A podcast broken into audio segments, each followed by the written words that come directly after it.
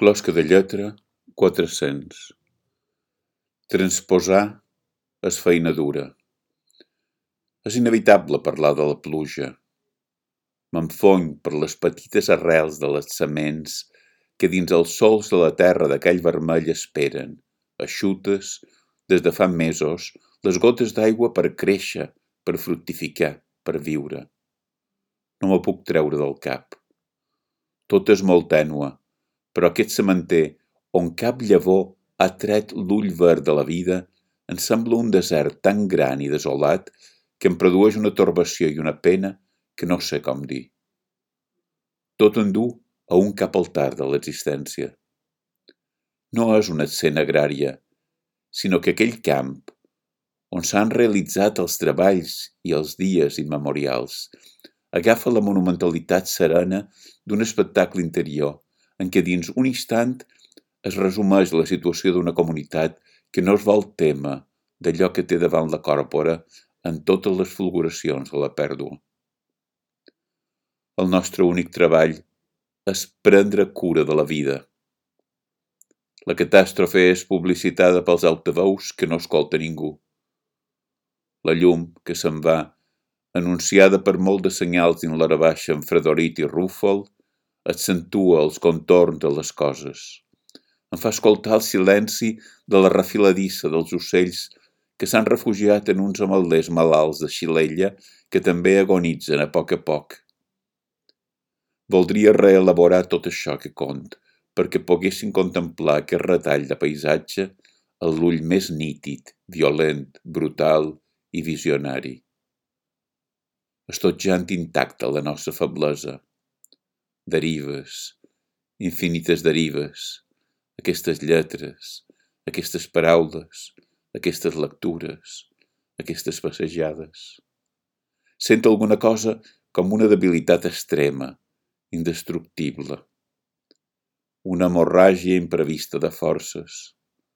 Respir la indigència d'aquests mots que van i venen de l'un a l'altre, que creen passarel·les massa fràgils que s'enfonsen sempre seguit. Necessitaria un llenguatge diferent, pot ser inaccessible, per dir aquesta pèrdua de l'ordre universal o de tot ordre, aquesta experiència diferent on l'espectacle de la paràlisi de la germinació esdevé la metàfora més crua de l'actual moviment de la història. Les cicatrius polsoses dels sols quasi no es veuen, perquè el crepuscle ha endolcit la fàcia és dolorosa, envoltada de divergències, de dissonàncies i de ruptures que cap balsa en pot confegir. Cal viure dins l'interval del saber i la visió i fer les passes precises que ens duguin cap a la veritat més humanal, més humanitzadora.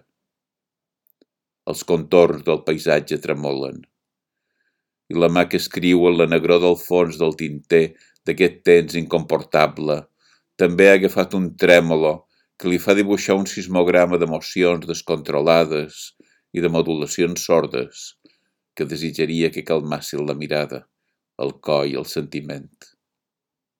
Però potser no hi ha aquest desig. Estim de cada vegada més aquesta vida de la qual prenc de cada vegada menys part. La pell del cel encara té aquesta mescla de pigments turmentats, rosa seca, carbassa fosc, daurat negrós, gris vellutat, que voldria que es fonguessin en un llamp que vengués d'una regió estrangera i produís el prodigi. La lluvia és la cosa que tiene lugar en el passado, en diu l'amic Borges, i les seves paraules alades s'aixequen com un himne davant un món amenaçat d'aniquilació. Deixa que la pols s'acumuli a la meva caixa de vàter en diu des del llunyà segle XII el poeta xinès Li Qingzhao. I aquests versos fan que la pena mesclada amb els esdeveniments del dia, l'esqueix interior, se sereni. Quan començarà a eclosionar un brot de l'any en el cor de la gent? Cerc paraules breus, sense cap vibració, per dir aquesta tristesa de l'agonia de la terra obrir, obrir sempre, obrir-se, lluitar pels cicles del viure, allò que garinyola, el que enganxa de cada vegada més sovint del cos, les juntes. Cal fer un esforç per restar dret i batallar en aquest país natal breu del planeta.